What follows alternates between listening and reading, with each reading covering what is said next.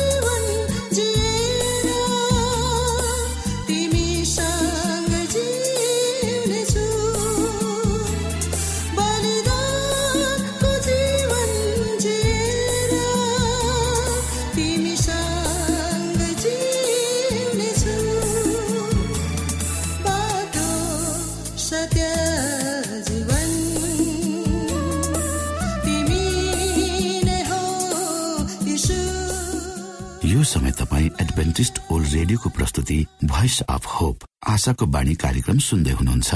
श्रोता मित्र यो समय हामी पास्टर उमेश पोखरेलबाट आजको बाइबल सन्देश सुन्नेछौ।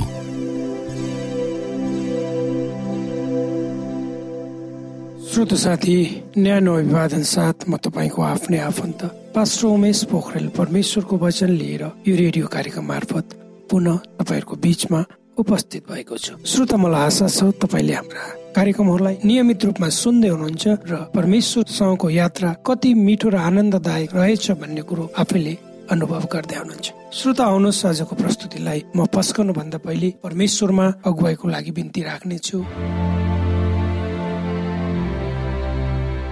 जीवी जिउँदो महान दयालु परमेश्वर प्रभु रेडियो कार्यक्रमलाई म तपाईँको हातमा राख्दछु। यसलाई तपाईँको राज्य र महिमाको प्रचारको खातिर तपाईँले सारा संसारमा पुर्याउनुहोस्।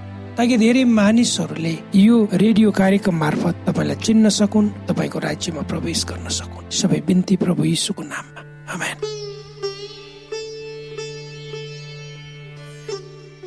श्रोत साथी हाम्रा अघिल्ला दिनहरूका प्रस्तुतिमा हामीले अन्त्यका दिनहरूको बारेमा छलफल गर्दै आइरहेका छौँ। सारा संसारको अवस्था र आफ्नै हाम्रो दैनिक जीवनलाई पनि हामीले हेर्यौँ भने हामीलाई लाग्छ यो संसार अब धेरै अगाडिसम्म बढ्दैन। जस यसै सन्दर्भमा पवित्र धर्मशास्त्र बाइबलको नयाँ नियमको दोस्रो तिमोथी तिनको एकदेखि नौ पदहरूले अन्त्यको दिनको समय जसलाई खतरनाक समय भनेर भनिएको छ त्यो विषयमा यसरी भन्दछ।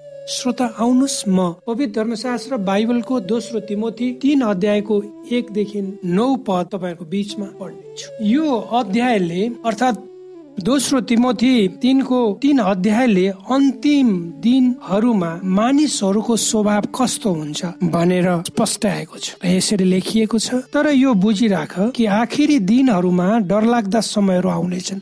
अर्थात् पावल प्रेरितले तिमोथीका विश्वासीहरूलाई लेखेको पत्रमा उनले लेख्छन्। तर यो बुझिराख कि आखिरी दिनहरूमा डरलाग्दा समयहरू आउनेछन्? किनभने मानिसहरू आफैलाई मात्र माया गर्ने रुपियाँ पैसाको मोह गर्ने घमण्डी हटीहरूको बदनाम गर्ने आमा बुबाको आज्ञा पालन नगर्ने बैगुनी र अपवित्र स्वाभाविक प्रेम रहितका खुसी पार्न नसकिने अरूको बदखुवाई गर्ने दुराचारी क्रूर असल कुरालाई घृणा गर्ने विश्वासघाती उत्ताउला अहंकारले फुलेका परमेश्वरलाई भन्दा सुख विलासलाई प्रेम गर्ने भक्तिको भेष चाहिँ लिने तर त्यसको शक्तिलाई इन्कार गर्ने हुनेछन्।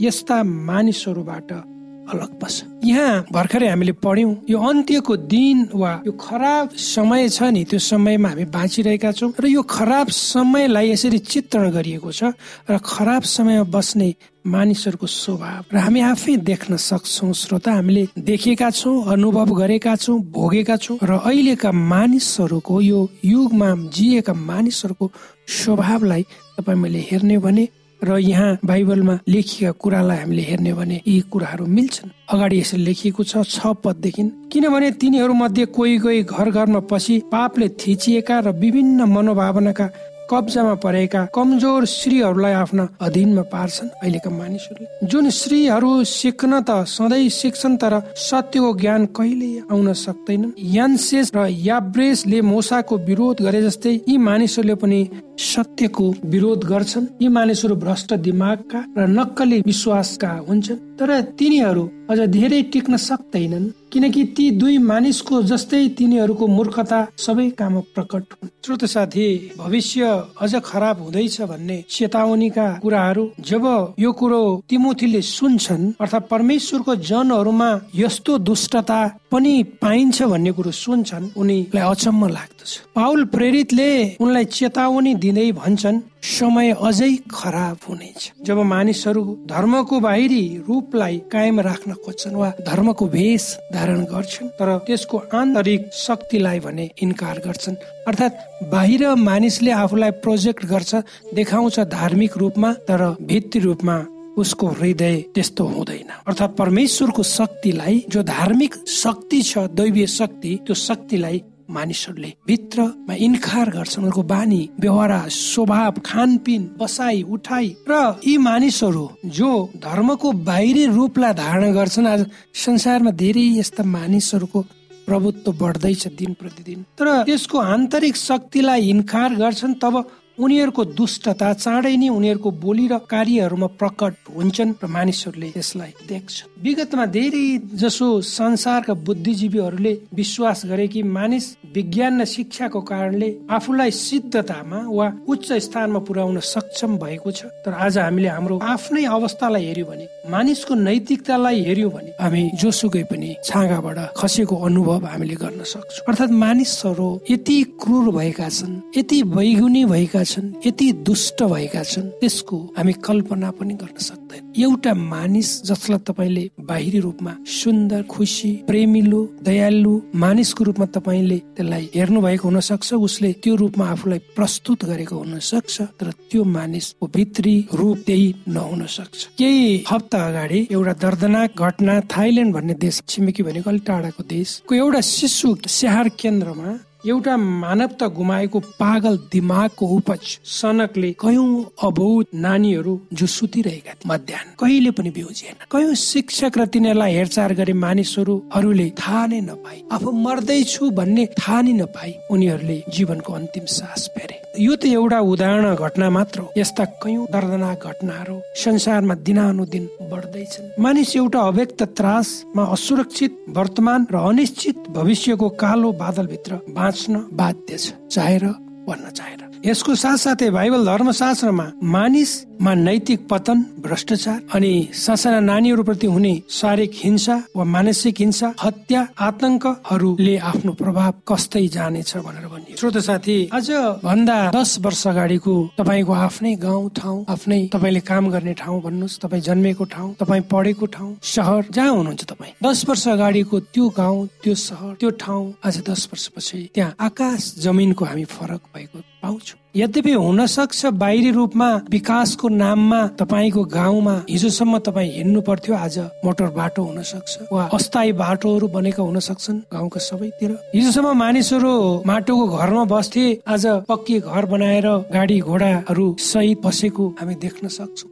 त्यति मात्र फरक छ। तर यदि तपाईँले र मैले गम गरेर हेर्यो भने त्यो मानिस बाहिरी रूपमा जसरी मानिसको विकास भएको छ जसरी मानिसले प्रगति गरेको छ तर भित्री रूपमा मानिसमा मानवीयता मानिसमा हुनुपर्ने गुण छ त्यो र सचेतनाबाट मानिस धेरै टाढा टाढा गइसकेको छ। अर्थात् मानिसमा त्यो मानवता भन्ने कुराहरू क्रमशः हराउँदै गएको छ। मानिस आफू आफैमा बाँच्ने आफू जसरी पनि बाँच्ने अरू बाँचोस् वा नबाँचोस् अरूले खाओस् नखाओस् आफू खाने त्यसपछि आफ्नो परिवारलाई र आफूलाई मात्रै भन्ने मै मात्र भन्ने एउटा अहमताले मै मात्र हुँ मै मात्र बाँच्नु पर्छ जिउनु पर्छ खानु पर्छ भन्ने एउटा भावनाले मानिस चाहिँ धकेलिरहेको हामी पाउँछौँ।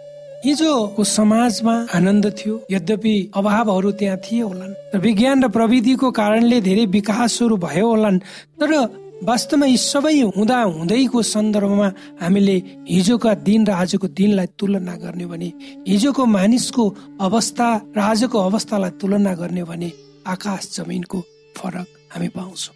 हिजो हाम्रो गाउँ घरमा गाडीहरू जाँदैन थियो। बाटो घाटो थिएनन्। मानिसले कयौँ दिन लगाएर हिँड्नु पर्थ्यो अनि आफूलाई चाहिने खाद्यान्नहरू सामानहरू बोक्नु पर्थ्यो। आज त्यो छैन। हिजो दिनौँ लाग्ने यात्रा अहिले हामी सहजै एक घन्टामा हामी पुरा गर्न सक्छौँ। हिजोका दिनहरूमा संचारको त्यत्रो विकास भएको थिएन। मानिसहरूले आफन्तहरूको हाल खबर बुझ्नको लागि जान्नको लागि महिनौ दिन पर्खनु पर्थ्यो र आज एक सेकेन्डमा हामी आफ्नै हातमा भएको ग्याजेट छ मोबाइल अरू माध्यमहरूद्वारा हामी मानिसहरूसँग आफन्तहरूसँग सम्पर्क स्थापित गर्न सक्छौँ।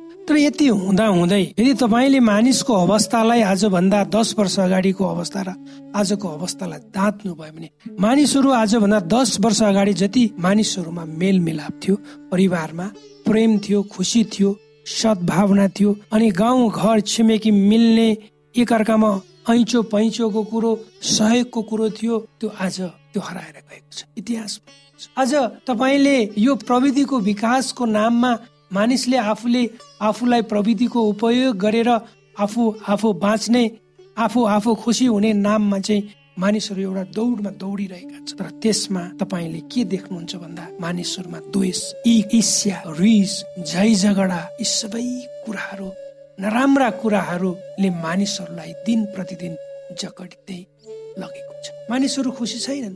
सबै कुराहरूको बावजुद सबै कुराहरू भौतिक रूपमा सम्पन्नताको बावजुद मानिसहरू आज गगनचुम्बी महलहरूमा बसेका छन् तर ती मान्छेहरू सुत्न सक्दैनन् राति र सुत्नको लागि स्लिपिङ ट्याब्लेट खानुपर्छ। र आजको अवस्था यो छ आउने दिन अझै खराब हुन्छ। मानिसहरूले मानिसहरूलाई चाहिँ मार्नेछन् मानिसहरूले मानिसहरूलाई नष्ट गर्ने योजनाहरू बुन्नेछन् र त्यही क्रममा हामीले आज मानिसको सम्बन्धलाई हेऱ्यौँ भने मानिस मानिस बिचमा आएको सम्बन्धको एउटा चिसोपनालाई हेऱ्यौँ भने द्वेष र ईसलाई ईर्ष्यालाई हेऱ्यौँ भने आज प्रकृतिमाथि आएको विचलनलाई हेऱ्यौँ भने श्रोता हामी सहजै अनुमान गर्न सक्छौ कि आउने दिनहरू आउने समयहरू अझै खतरनाक छ त्यसैले त तिमोथीलाई पावलले लेखेको पत्रमा उनी भन्छन् आउने दिनहरूको लागि उनले चेतावनी दिन्छन् र उनी भन्छन् तिमोथीलाई पावलले भन्छन् दोस्रो तिमोथी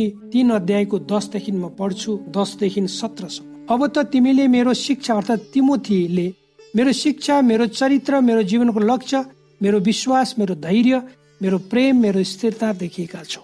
पावल भन्दैछन् तिमोथी मेरा सतावटहरू र मेरा कष्टहरू एन्टियोखियामा आइकोनियामा र लुस्रामा ममाथि के पर्न आयो र कस्ता कता सतावटहरू सहे तापनि ती सबैबाट प्रभुले मलाई बचाउनु क्रिस्ट यसुमा भक्ति साथ जीवन बिताउने इच्छा गर्नेहरू सबैजना सतावटमा पर्ने नै छन् तर दुष्ट मानिसहरू र ठगाहरू ठगिएर झन झन दुष्ट हुँदै जानेछन्। तर तिमी चाहिँ आफूले सिकेका र दृढतासँग विश्वास गरेका यी कुराहरूमा लागिरह। ती कसबाट सिकेका छौ? सो तिमी आफै जान्दछौ। तिमी बाल्यकालदेखि पवित्र धर्मशास्त्रसँग परिचित छौ।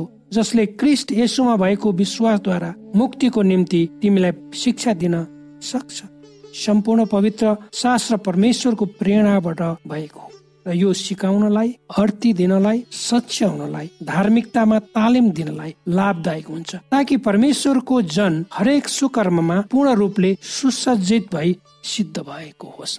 श्रोत साथी आजको प्रस्तुति तपाईँलाई कस्तो लाग्यो? यदि तपाईँका कुनै सरसल्लाह र सुझाव छन् भने कृपया गरेर हामीलाई हाम्रो सम्पर्कको ठेगानामा हामी यो कार्यक्रमको बिचमा र अन्तिममा हामीले सम्पर्कको ठेगाना दिनेछौँ। त्यसमा हामीलाई लेखी पठाउनु भयो भने हामी तपाईँप्रति आभारी हुनेछौँ। परमेश्वरले तपाईँलाई आशिष दिउन्। आमेन। श्रोता भर्खरै यहाँले पास्टर उमेश पोखरेलबाट बाइबल वचन सुन्नुभयो।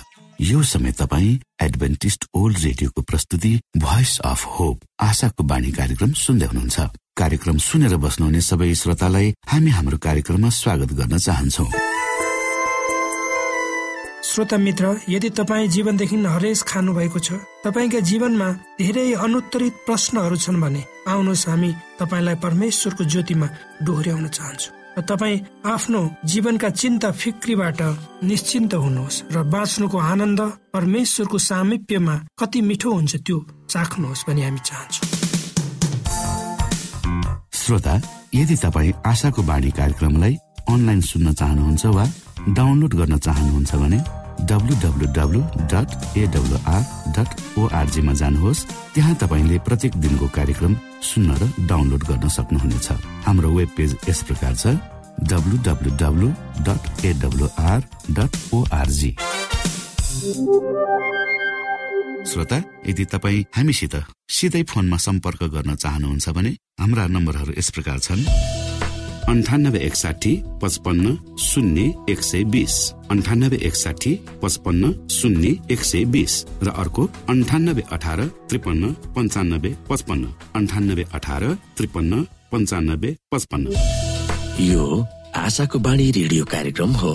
म प्रस्तुता धनलाल राई यहाँहरूलाई यस कार्यक्रममा न्यानो स्वागत गर्दछु। श्रोत साथी आज म तपाईँको बिचमा उद्देश्य प्रेरित पुनर्जन्म आत्मा परिवर्तनको कथाहरू लिएर आएको छु। आजको कथामा एसिड खन्याएर गरिएको आक्रमण।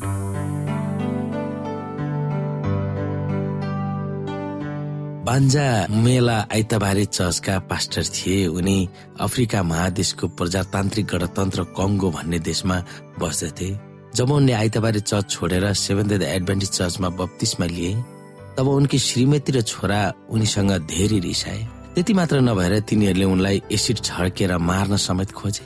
सो घटनापछि बान्जाको अनुहार सदाको निम्ति कुरूप भयो तर उनले आफ्नो ज्यान भने जसो तसो बचाए। आज उनी चर्चको तलब नलिकनै काम गर्ने साधारण एडभान्टेज पास्टर भएका छन्। जब उनी प्रचार गर्छन् तब हुलका हुल मानिसहरू उनको वचन सुन्न जम्मा हुन्छन्। किनकि उनको त्यो वचन अथवा त्यो गवाई अत्यन्तै प्रभावकारी बनेको छ। सेभेन डे एडभान्टेज चर्चमा सम्मिलित हुन पाएकोमा म परमेश्वरको जय गर्छु किनभने शैतानलाई हराइएको छ। खुसी हुँदै बन्जाले भन्छन्। सन् दुई हजार तेह्रमा अफ्रिकाको दक्षिण पूर्वको लिकासी सहरमा सेभेन डे एडभान्टेज प्रचार समूहले सार्वजनिक रूपमा सुसमाचार प्रचार अभियान चलाएको थियो। त्यस बेला बान्जा पनि त्यसमा सहभागी हुन पुगे। एडभान्टेजको शिक्षाप्रति आकर्षित भएर उनी स्थानीय सेभेन डे फिलिप लेमन युनिभर्सिटीको पास्टरीय तालिम स्कुलमा भर्ना भए। त्यसपछि उनले आफ्नो आइतबारे चर्च छोडेर एडभान्टेज हुन निधो गरे।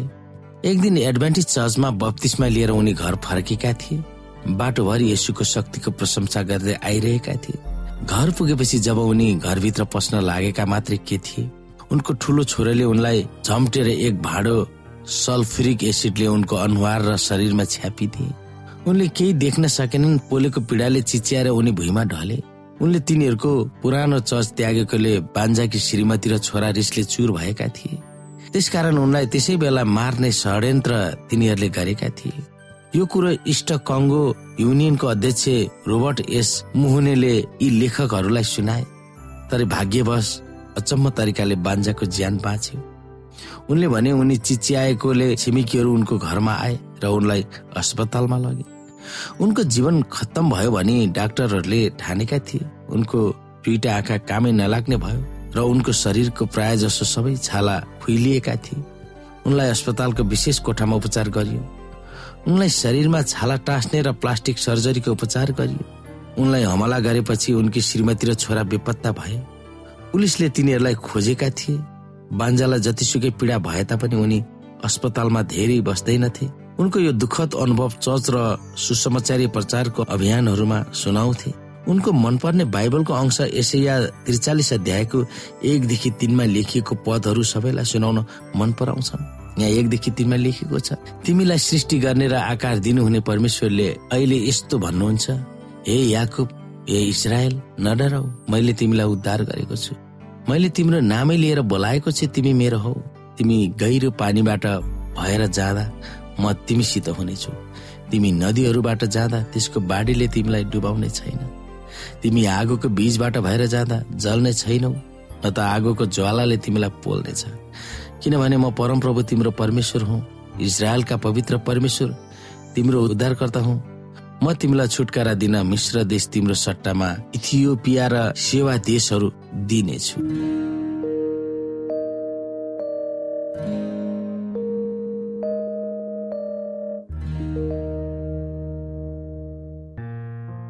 आदरणीय मित्र बाइबलले बताएको छ परमेश्वरले तिर्खाकाहरूलाई तृप्त पार्नुहुन्छ र भोकालाई उत्तम पदार्थले सन्तुष्ट पार्नुहुन्छ। हामीलाई दिइएको यो छोटो समय आशाको बाणीको प्रस्तुतिको समयमा हामीले हाम्रा श्रोताको आत्मिक भोकलाई केही मात्रामा भए तापनि सही प्रकारको खोराक पस्केर आत्मिक सन्तुष्टि दिन सकेका छौँ केही ऊर्जा थप्न सकेका छौँ भनेर हामीले आशा राखेका छौँ। आफ्ना मनमा भएका केही दुविधा र शङ्काहरू छन् भने अवश्य हामीसँग बाँडेर शङ्काको निवारण गर्नुहुनेछ। र सही प्रकारको बाटो पहिल्याउन सक्नुहुनेछ परमेश्वरको सच्चाइले अझ राम्रो बुझ्न सक्नुहुनेछ र आफ्नो जीवनलाई परमेश्वरमा पूर्ण समर्पित भएर समर्पण सहितको जीवन बिताउन सक्नुहुनेछ भनेर आशा राख्दै अब हामी हाम्रो कार्यक्रम सकिएको जानकारी यहाँलाई गराउन चाहन्छौ। जानुभन्दा अगाडि श्रोता हामी यहाँलाई हाम्रो ठेगानाको विषयमा जानकारी गरौं। हामीसँग पत्राचार गर्ने हाम्रो ठेगाना यस प्रकार छ। आशाको बाणी पोस्ट बक्स नम्बर दुई शून्य शून्य शून्य दुई काठमाडौँ नेपाल। आशाको बाणी पोस्ट बक्स नम्बर दुई शून्य शून्य शून्य दुई काठमाडौँ नेपाल। यसै गरी श्रोता यदि तपाईँ हामीसँग सिधै कुराकानी गर्न चाहनुहुन्छ भने हाम्रो फोन नम्बर यस प्रकार छ। अन्ठानब्बे एकसाठी पचपन्न शून्य एक सय बिस। अन्ठानब्बे एकसाठी पचपन्न शून्य एक सय बिस। र अर्को अन्ठानब्बे अठार त्रिपन्न पन्चानब्बे पचपन्न।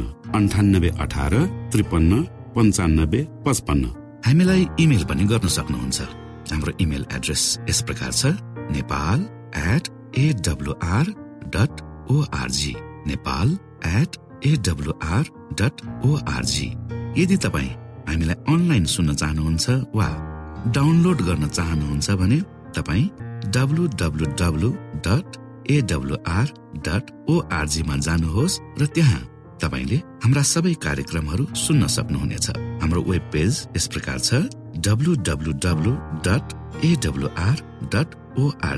श्रोता यसमा गएर तपाईँले हाम्रा दैनिक कार्यक्रमलाई सुन्न सक्नुहुनेछ र डाउनलोड पनि गर्न सक्नुहुनेछ। हवस् त श्रोता हाम्रो कार्यक्रम सुनिदिनु भएकोमा एकचोटि फेरि यहाँलाई धन्यवाद दिँदै भोलि फेरि यही स्टेशन यही समयमा यहाँसँग भेट्ने आशा राख्दै प्राविधिक साथी राजेश पास्टर उमेश पोखरेल र कार्यक्रम प्रस्तुता म रवि यहाँसँग विदा माग्दछौ। परमेश्वरले तपाईँलाई धेरै धेरै आशिष दिनु भएको होस्। नमस्कार।